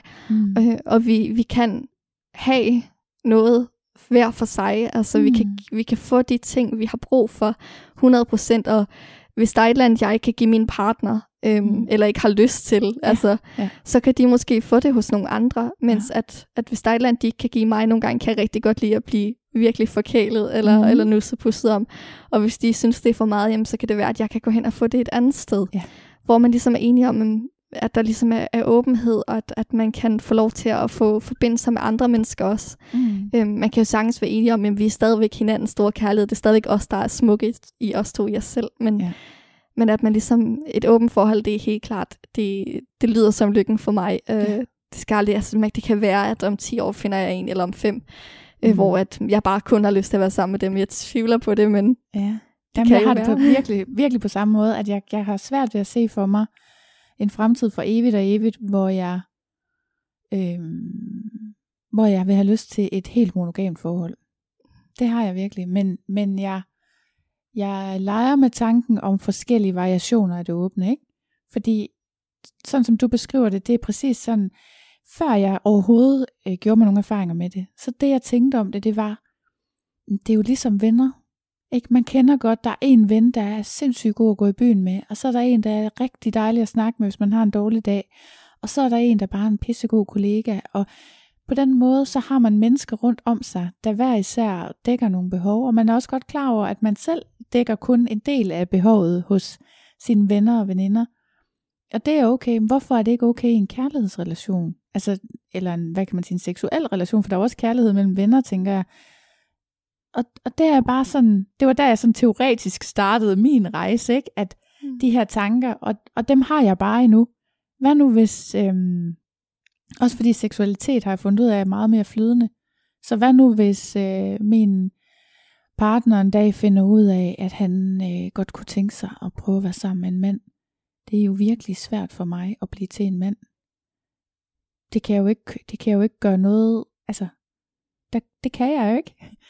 Men der er jo heller ingen konkurrence, fordi øh, det som en mand kan tilbyde, det kan jeg jo ikke jeg kan så tilbyde noget andet. Så derfor, det er også derfor, jalousien bliver elimineret, ikke? Fordi det, det er ikke en konkurrence om, hvem der kan mest. Men alle kan noget forskelligt, ikke? Lige præcis. Og hvis man har fundet sin, sin soulmate, som, som jeg lidt ser, at, at de har fundet ja. i hinanden, ja. at jamen, så er man, man hinandens store kærlighed, men det betyder jo ikke, at igen, det er, ligesom du siger, urealistisk at tro, at, at man så ikke behøver mere i livet mm, yeah. overhovedet. Øhm, så, så på den måde, der, der giver det bare så meget god mening også. Ja. Øhm, også fordi, at jeg ville også få det skidt i længden, hvis, hvis jeg forhindrede min partner i at få et eller andet, ja. de rigtig gerne vil have, hvis der er en eller anden fantasi, eller, ja. eller generelt, hvis de møder en eller anden person, hvor de tænker, hende eller ham kunne jeg bare virkelig godt tænke mig at lære at kende, eller, ja. eller lege lidt med, eller sådan noget. Ja. Altså, jeg tror for mit vedkommende, for at min jalousi, den, går ned, eller at jeg mm. ligesom kan håndtere den, så skal det også være noget, vi kan snakke om igen, tilbage ja. til ærligheden, ikke? Jo. Altså, at, at man ligesom kan have det for hinanden. Ja. Um, så det handler jo meget om kommunikation, og det betyder så, ja, altså, selvfølgelig kommer der til at være problemer, man vil altid skænderi, også selvom man har sådan et forhold. Men, det tror jeg også. Men, men det der med, at jeg er jo også, som sagt, biseksuel, så uanset hvilken partner jeg får, så vil jeg på en eller anden måde mangle noget andet også. Ja. Okay, øhm, du er sådan ægte biseksuel. Der skal en gang imellem en kvinde til ja, jeg, jeg kalder mig, altså der er jo også panseksuelle og en masse andre former, yeah. man kan bruge, og ja. jeg synes hele tiden, de ændrer det. Øh, ja. når jeg er inde og kigge på det. Jeg synes hele tiden, de laver de der beskrivelser om. Ja. Så jeg kan lide mennesker øhm, mm. generelt, og, og jeg kan lide alle kønnene. Ja. Hvis der er flere, hvis der er nogen, der ikke er noget. Eller ja. generelt mennesker, hvis jeg klikker med dem, jamen, mm. så er det sådan set det. Ja. Men hvis jeg så får en kæreste, der er, er mand, så, så er det klart, at jeg måske på et, et eller andet tidspunkt øh, vil komme til at mangle mm. sådan et kvindetouch eller ja. et eller andet. Altså, ja. eller, fordi det er noget forskelligt, og man skal ikke bilde sig noget andet ind. Det, jeg har leget med både mænd og kvinder, øh, mm. både sammen og hver for sig, og det er helt forskellige ting. Ja. At, at man får ud af det, at jeg får ud af det. Ja. Ja, det kan jeg godt sætte mig ind i. Men sådan er det jo i virkeligheden altid når man er sammen med et nyt menneske, så er det, så er det altid noget andet. Og det er jo uanset køn, ikke? Lige præcis. Ja. Nå, jamen øh, det håber jeg da, at du finder en dag. Jeg tænker, du har god tid jo. jeg skynder mig i hvert fald ikke. Nej. Øhm, er der noget, som du selv ville ønske, du havde vidst, før du kom afsted i klub den allerførste gang? Jeg tror, at øh, en af de, de mennesker, der kommer i klubben, er en, øh, en rigtig sød mand, øh, som jeg har snakket meget med, siden mm. jeg mhm. kom der. Han fortalte mig også, at øh, han plejer at tage det, som det kommer, men så kan det godt være, at han har nogle idéer om, hvad man kan lave, men så på dagen, så tager mm. han ligesom måske et eller andet, han skier med, øh, og så er det det, han bruger, og mm. måske bruger de det ikke, det ved mm. han ikke, men så er det ligesom måske det, han tænker, han har lyst til mm. den aften. Øh, og jeg vil ligesom ønske, der var nogen, der havde sagt til mig, at det er okay, at der er en aften, at du er i to rum. Mm. At man ikke behøver at være i hvert enkelt eneste rum. Ja. Øh, hver eneste aften. Ja. Øh, jeg synes, det er hyggeligt at gå turen og se, om der er nogen, der laver noget, man ja. bliver inspireret eller skal være med. Men, men det der med, at man ikke tænker, om nu, jeg skal lige huske, jeg skal ned i SM-rummet, og så bagefter det, så skal ja. jeg en tur i Spanien. Og inden aftenen er om, så skal jeg også en tur ned i kælderen. Ja. Altså. Ja. ja, så kan man godt få, strav, øh, få travlt, ja. Ja, så, så bliver det hele sådan meget... Øh, Mm. At man ikke rigtigt tillader sig selv at være i det, der er godt, fordi man hele tiden tænker på, nå jamen, jeg skal jo også lige, ja. og jeg havde også tænkt, jeg ville gerne nå hen i massagestolen, inden vi skulle mm. hjem, og sådan noget, at man bare slapper af, og hvis man så finder et eller andet, der er super fedt, ja. jamen så er man bare der. Ja, ja. ja og, det er jo godt råd, det, ja. det ville jeg virkelig ønske, at, øh, at jeg havde fundet ud af noget ja. før, på en eller anden måde. Ja. Ja. Hvordan, du har faktisk ikke sådan beskrevet den der, jeg har samtidig talt om, om, at jeg kan godt føle mig høj, når jeg har været afsted. Har du haft den følelse også? Ja, øhm, og det, det får jeg alle mulige steder øh, til mm. arrangementer. Jeg, der, øh, jeg er også nogle gange med i privat arrangementer ja. uden for klubben. Ja. Men, men ja, lige efter en tur i klubben, så har jeg næsten altid den der samme fornemmelse ja. i kroppen. Sådan en, en rigtig afslappet fornemmelse, og en rigtig dejlig, som om, at jeg altid tager hjem derfra med en, med en rigtig god fornemmelse i kroppen. Ja. Øhm, og det er jo også fordi, man, altså at jeg i hvert fald for mit vedkommende får jeg lov til at være mig selv, mm. når jeg er afsted til sådan noget. Altså jeg får lov ja. til at, at udleve den del af mig selv, som jeg jo ikke har fremme, når jeg skal sidde til undervisning, ja. eller skal være afsted til noget arbejde. Eller, ja. så, så det er også det er jo sådan befriende, som om man ligesom har fået et eller andet behov opfyldt. Og ja. ja, det er det, faktisk meget godt sagt. For jeg, lige da du sagde, så tænker jeg også, ja, epidemiolog, er heller ikke helt vildt svinger. Altså, det er sgu lidt noget andet hen på arbejdet, end, øh, end når man har fri, og det tror jeg da selvfølgelig, det er for mange, men du har ret i, der er ligesom en del af sig selv, man kan lukke ud der, og det er rart at få plads til den del også. Nå, men øh, jeg havde slet ikke fået spurgt ind til de der, hvad du havde prøvet ellers. Jeg har kun spurgt, om du har været i andre klubber jo. Men fortæl, altså hvad er det for nogle private arrangementer? Øhm, det er sådan lidt forskelligt af, ja. hvad der er mulighed for. Øhm, jeg holder mig mest til dem, jeg sådan også har mødt i klubben, eller mm. som jeg kender, eller som der er blevet sagt god for af dem, jeg kender. Ja. Øhm, det er lidt vigtigt for mig at vide, at, at jeg er i sikre hænder. Ja. Jeg er ikke på skor, ja. og jeg er, jeg er ikke på alt sådan noget, øhm, og finder folk. Øhm, jeg føler, at jeg har en masse folk lige nu, mm. øh, og at jeg også, der lige så stille kommer folk ind i mit liv på en eller anden måde. Mm. Øhm, så det er også super fedt på en eller anden måde, og de ting, jeg har været til, det er sådan privataftaler, hvor jeg har mødtes med nogle af lege hjem hos dem. Ja. Øh, og så har de haft nogle idéer til, hvad de godt kunne tænke sig. Og, og jeg er en meget åben person, og der er mm. en masse ting, jeg ikke har prøvet, så det er jo meget som et til selvbord egentlig ja. for mig. Ja. Øhm, og så selvfølgelig altså min dominante, og jeg, han har, altså, vi har en relation, hvor at han egentlig, øh, nu er der ikke nogen derude, der skal blive bange eller noget, men hvor han ejer mig på en eller anden måde. Ja. Um, og for at gøre det helt klart, så en ting, jeg synes beskriver et BDSM-forhold rigtig, mm. rigtig godt, det er, at det faktisk er den submissive, der har magten. Og ja. det er der mange, der ikke forstår. Ja. Men i princippet, jeg har ligesom lagt mine grænser ned. Mm. Jeg har sagt, hvad jeg vil være med til, og hvad jeg ikke vil være med til. Mm. Hvad der er okay, og hvad der ikke er okay. Og så får han lov til at lege inden for det. Ja, øh, og der, og der mener jeg, at han får lov. Ja, ja. Ja. Så, Men det har, jeg hørt, det har jeg faktisk hørt andre sige. Ja. Okay.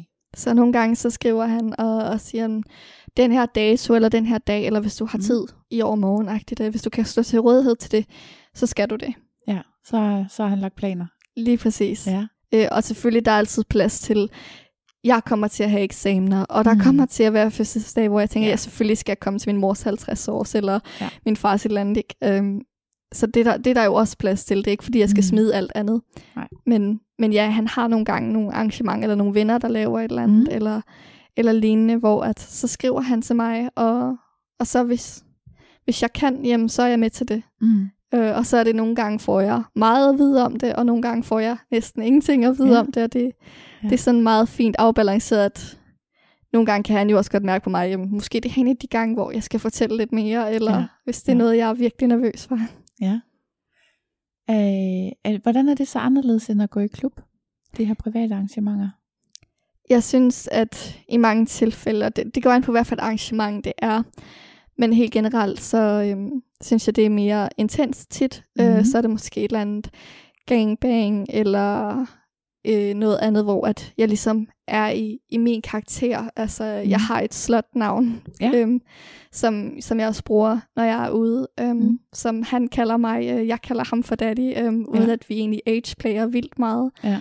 Men det, det er anderledes i den form, at jeg sådan læner mig 100% op af ham, fordi i klubben, der har jeg jo mange, jeg kender, og jeg kan mm. gå til, hvis, hvis han er et eller andet sted, eller mm. hvis, hvis jeg pludselig bliver nervøs, eller et eller andet til. Sådan, generelt er klubben for mig et meget trygt sted at være, hvor at, Ja.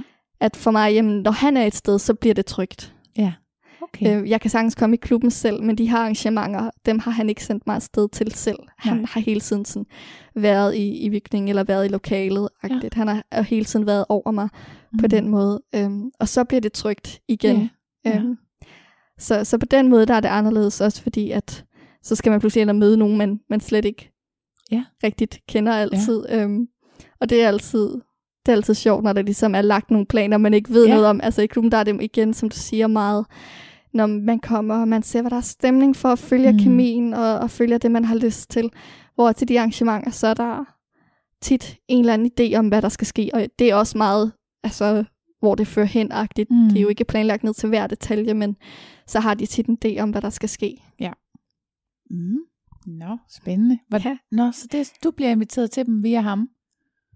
Ja, han har sådan jævnligt Mm. et eller andet arrangement. Der, no, no, det er nogle gange det er ikke ham, der er det hans, egentlig meget hans kammerater. Ja. Der, der holder det, det er ikke ham per se, der ligesom Okay. øh, er, er vært for det. Men, Mm. men for ham der er det jo også ret, at så har han mig eller hans tøs, ikke, som, mm. som han kan dele ud af, som han kan bidrage med til, til et eller andet arrangement. Ja. Og, øh, og det er fedt for mig at blive inviteret til sådan noget. Ja. Har Øh. han flere med? Eller er det kun dig, hvis du er med? Lige nu er det mig. Før var det også øh, en anden tøs, han havde. Ja. Øhm, så, som han også tog med. Nogle gange tog han også med sammen, og nogle gange var det mere hver for sig til Mhm. forskellige arrangementer. Det, det gik meget an på, hvad vi skulle, for der er også ting, som jeg ikke er parat til. Jeg er forholdsvis øh, en ny tøs. Mhm. Øhm, så, så der er det jo også meget at, at passe på med, hvad jeg er egentlig klar til. Ja. Øhm, fordi hvis han havde sendt mig til et gangbang den første gang, at, øh, altså Ja. den første måned, jeg havde kendt ham, så havde det været voldsomt. Ja. Altså, så havde jeg nok haft rigtig meget i mig, som Ja. ikke var, var klar til det. Ja. Øhm, og det kunne jo have ødelagt meget også på en eller anden måde, og gjort Ja. mig skræmt. Øhm, så det er meget stille og roligt, øh, mm. og i et eller andet tempo, og, og være med i en vis grad, Ja. øh, med mulighed for at kunne, kunne tage nogle pauser. Ja. Og så er der de ting, jeg, jeg selv finder på, øhm, mm. altså nogle, jeg har mødt i klubben, hvor at, så finder vi på et eller andet sjovt. Vi kan lave en eller anden leg, vi, vi tænker, vi skal lege, eller, øhm, eller bare mødes og se igen, Mm. hvor det fører hen. Ja. Jeg kan Ja. ja. godt lide at blive overrasket, og det, det er jo meget fint, når man er underdanig. Ja, tak. så er det en fordel. Meget, øh, rigtig meget. Ja. Okay, så du har heller ikke den der følelse af, det der med, at man kan være lidt høj bagefter, den forsvinder heller ikke med tiden. Den, den bliver faktisk øh, ved med at være der for dit vedkommende. Ja, og jeg synes, den sådan bliver mere og mere, jo længere ind i den der proces, jeg er med at stå ved mig selv. Ja. Øhm, jeg kan godt mærke forskel på, altså før de første par gange, jeg var afsted, jamen, så er det sådan noget adrenalin, øh, Ja. sus, man får. Ja. Mens at så kølte det lidt ned igen, og så var det mere om en dejlig afslappende følelse, fordi så har man været afsted og fået fyldt et eller andet behov. Mens Ja. at lige nu, der er det sådan en, en ekstra givende følelse igen, Ja. øh, uden at det er adrenalin, men hvor at jeg kan mærke forskel, fordi at jeg er mere mig selv, end jeg var Mm. dengang. Jeg Ja. står mere ved, at jamen, jeg er slutty, og, og jeg mm. kan Mm. godt lide mange af de her ting, og, og jeg leger med nogle af de fantasier, som jeg egentlig rigtig tit gerne har vil, men, men som jeg Ja. først rigtigt har tur begynde at, at gå ind i rigtigt nu. Ja, og det giver god mening. Og det er nemlig rigtigt i starten, der er det bare sådan noget ren adrenalin. Og, og også, altså jeg var forvirret i starten, når jeg kom hjem, over at jeg på den ene side stadigvæk øh, havde lidt fordomme, og på den anden side synes det var mega fedt. Ikke? og den forvirring, den forsvinder jo også i takt med, at øh, man selv finder sig til rette i det, ikke? Ja, det nærmest sådan bliver normalt at tage Ja. afsted på en Ja. eller anden måde, selvom det lyder fjollet, men ja. det gør det. På et eller andet tidspunkt, så føler man lidt, når så er det ikke i, en- bare i en eller anden klub, man skal i, øh, så er det jo hen til klubben. Ja, rigtigt. ja. Ja.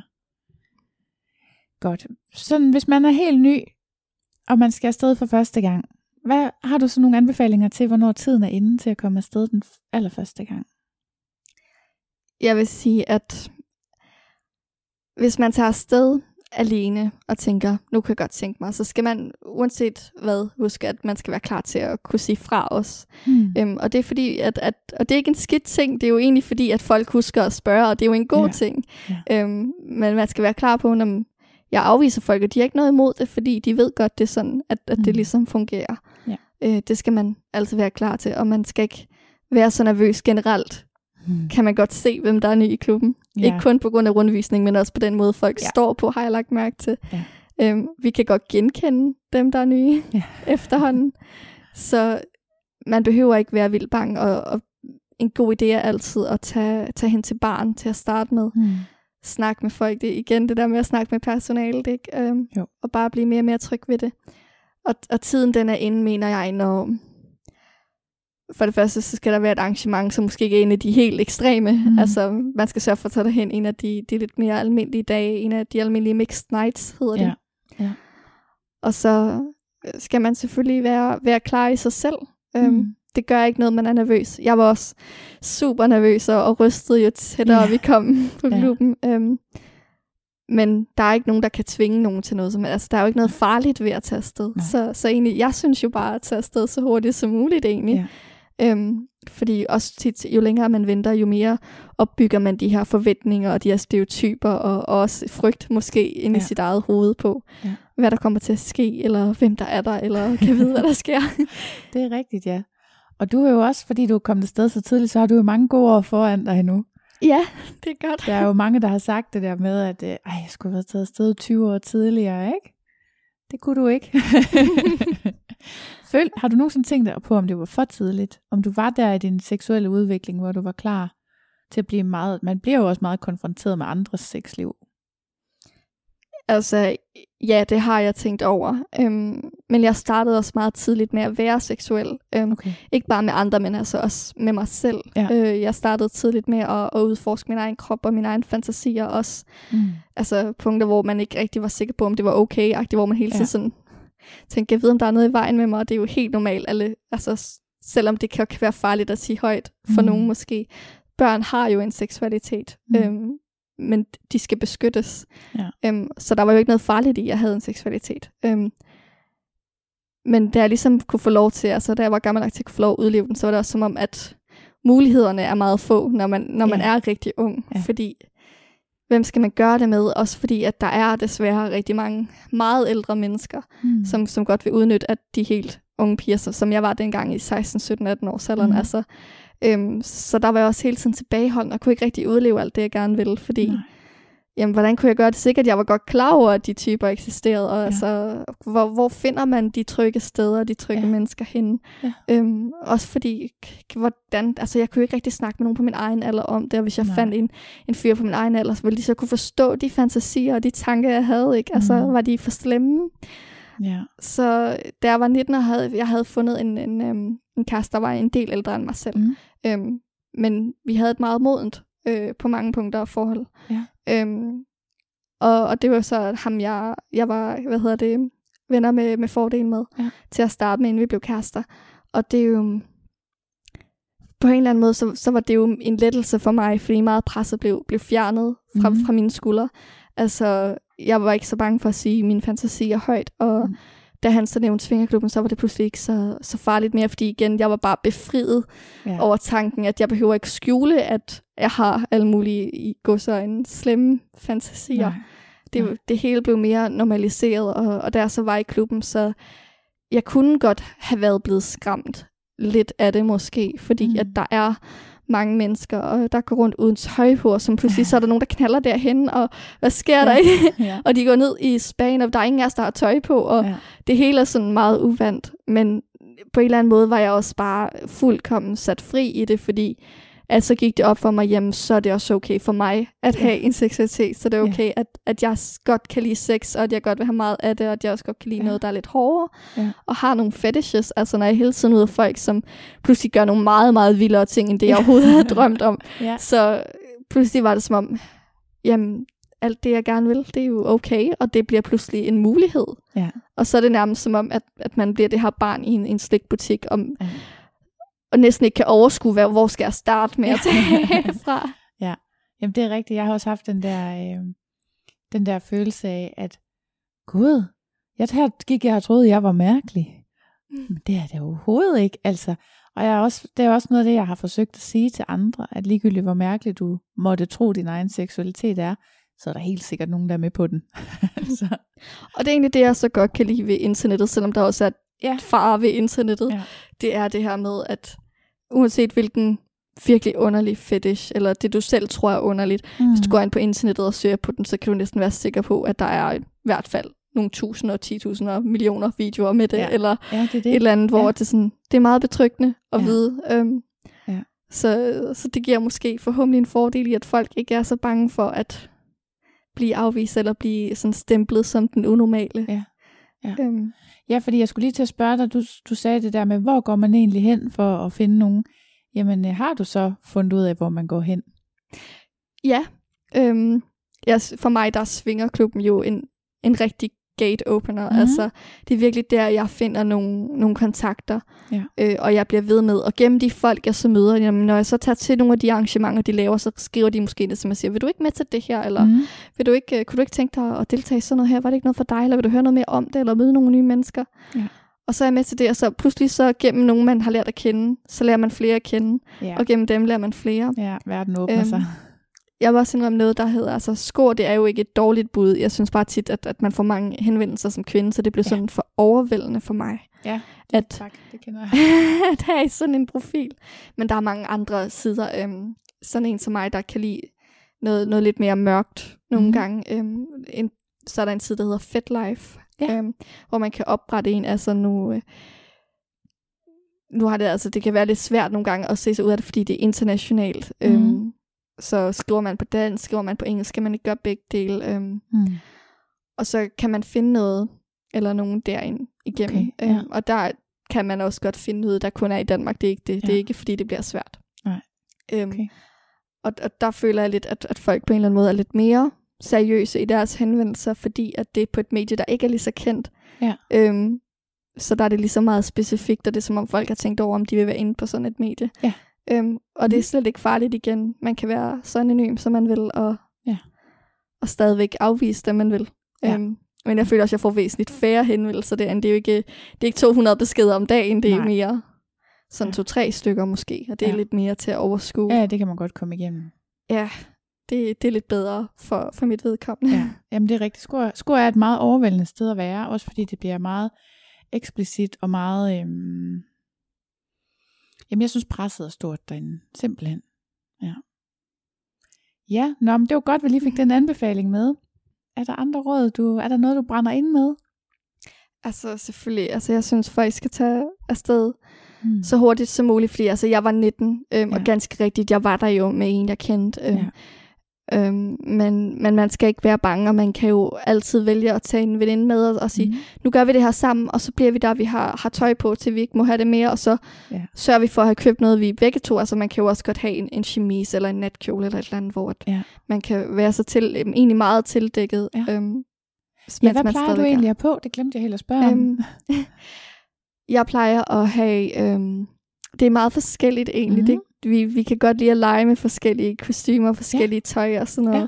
Så jeg har øh, haft lingerie på, altså mm. hofteholder, strømpeholder og mm. BH på. Jeg har også gået stort set nøgen. Ja. Øhm, og jeg har også gået nøgen nærmest en hel mm. aften. Øhm, og haft netdragt på med, ja. med hul ved, øh, ja. ved skridtet. Og, så, der var, så det ikke var så besværligt at skulle have det af ja. på. Øhm, og det er meget det, vi går efter. Det må ikke tage en evighed. At Fordi skulle... det er det, der er med de der hofteholdere. Altså hvis man så har trusser indenunder, ja. Det er jo et mareridt. Jeg fik at vide, at jeg skulle tage trusserne uden, eller ja. rettere sagt, jeg har fået at vide, at jeg bare skulle lade være at tage trusser på ja. af flere, men ja. man kan tage dem uden på hofteholderen, ja. uden det ser helt skørt ud. Ja. Øhm. Jeg har simpelthen droppet hofteholderkonceptet, fordi det var så bøvlet. altså, og det der med at komme i sådan et par strømper igen, når man har fået dem af. Og, ej. og specielt når det er Spanien, hvor man bare er nødt til at det ja. hele af. Ja. Øhm, ej, men, igen, jeg har tit sådan noget, igen, at jeg spiller meget på, at, at jeg er meget ung, og jeg mm-hmm. også ligner en, der er yngre, end jeg er, så ja. det er tit øh, et eller andet skørt, eller mm. og et eller andet med flætninger, eller rottehaler, eller ja. sådan noget. Det, det er egentlig også noget, jeg selv nyder rigtig meget. Øhm, mm. Det gør min domænd også, og det er også tit ham, Perfekt. der bestemmer, hvad jeg skal på, jo, men ja. øhm, det er også noget, jeg selv rigtig godt kan lide. Ja. Øhm, Ja. En anden ting, jeg måske brænder ind med, ja. det er, øhm, og det er egentlig mest sådan et, et godt råd, hvis tingene går helt galt, fordi jeg tænker, at der er nogen der, derude, som sidder, som jeg også har gjort, og tænkt, Mm. Hvad så, hvis man er på nogle af de her medier, og man måske har lagt lidt for meget op? Eller hvad nu, Mm. hvis der er en eller anden, der har mødt en i klubben, og ikke vil stoppe med at skrive med mig? Eller Ja. hvad nu, hvis der er nogen, der får fat i noget? Eller hvad nu, hvis jeg kommer til at sende nogle billeder for at Mm. bekræfte i mig? Eller, Ja. eller fordi, at vi flyttede, og, og de pludselig har dem, eller de begynder at være Mm. ubehagelige. Hvad gør jeg?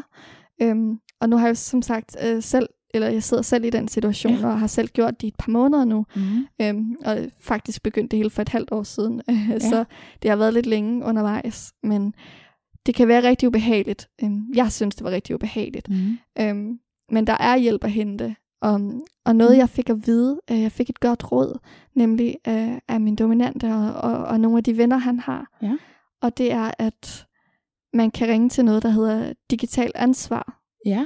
inde på nettet, hvis man går derind øh, på deres hjemmeside, Mhm. digital ansvar, så er der både noget for nogen, der er over 18, og nogen, der er under 18. Ja. Øhm, nogle sider, andre sider, man kan kontakte, men man kan også ringe til dem, og de er så imødekommende. Altså, Ja. for mig, jeg tænkte, om så ringer de, og så siger de et eller andet, jeg ikke forstår, eller et eller andet. Mm.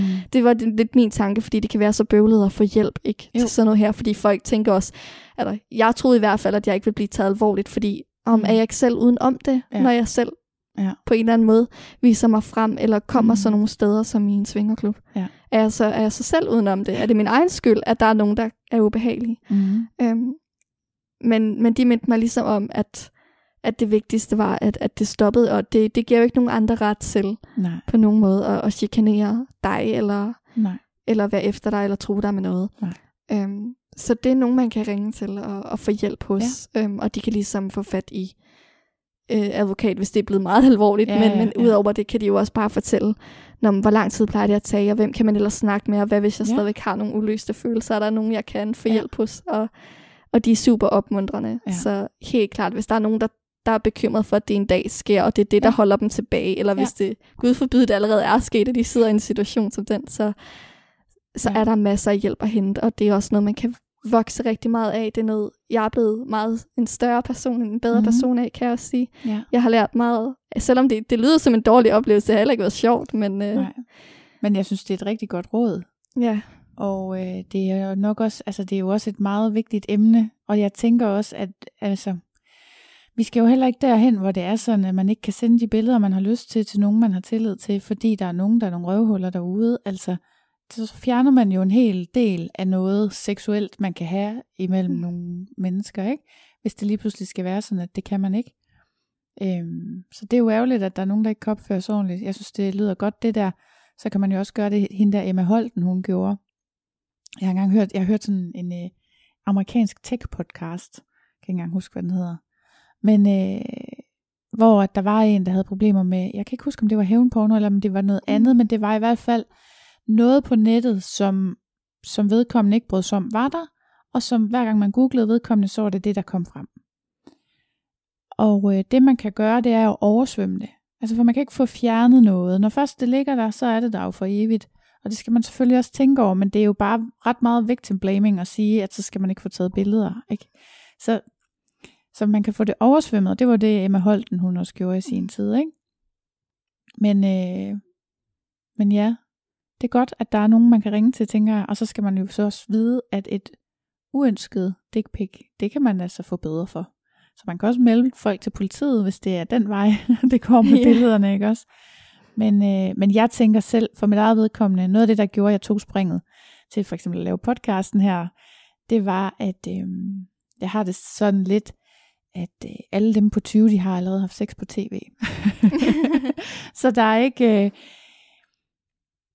den der, øh, hvad kan man sige, udskamning, der måtte kunne være engang.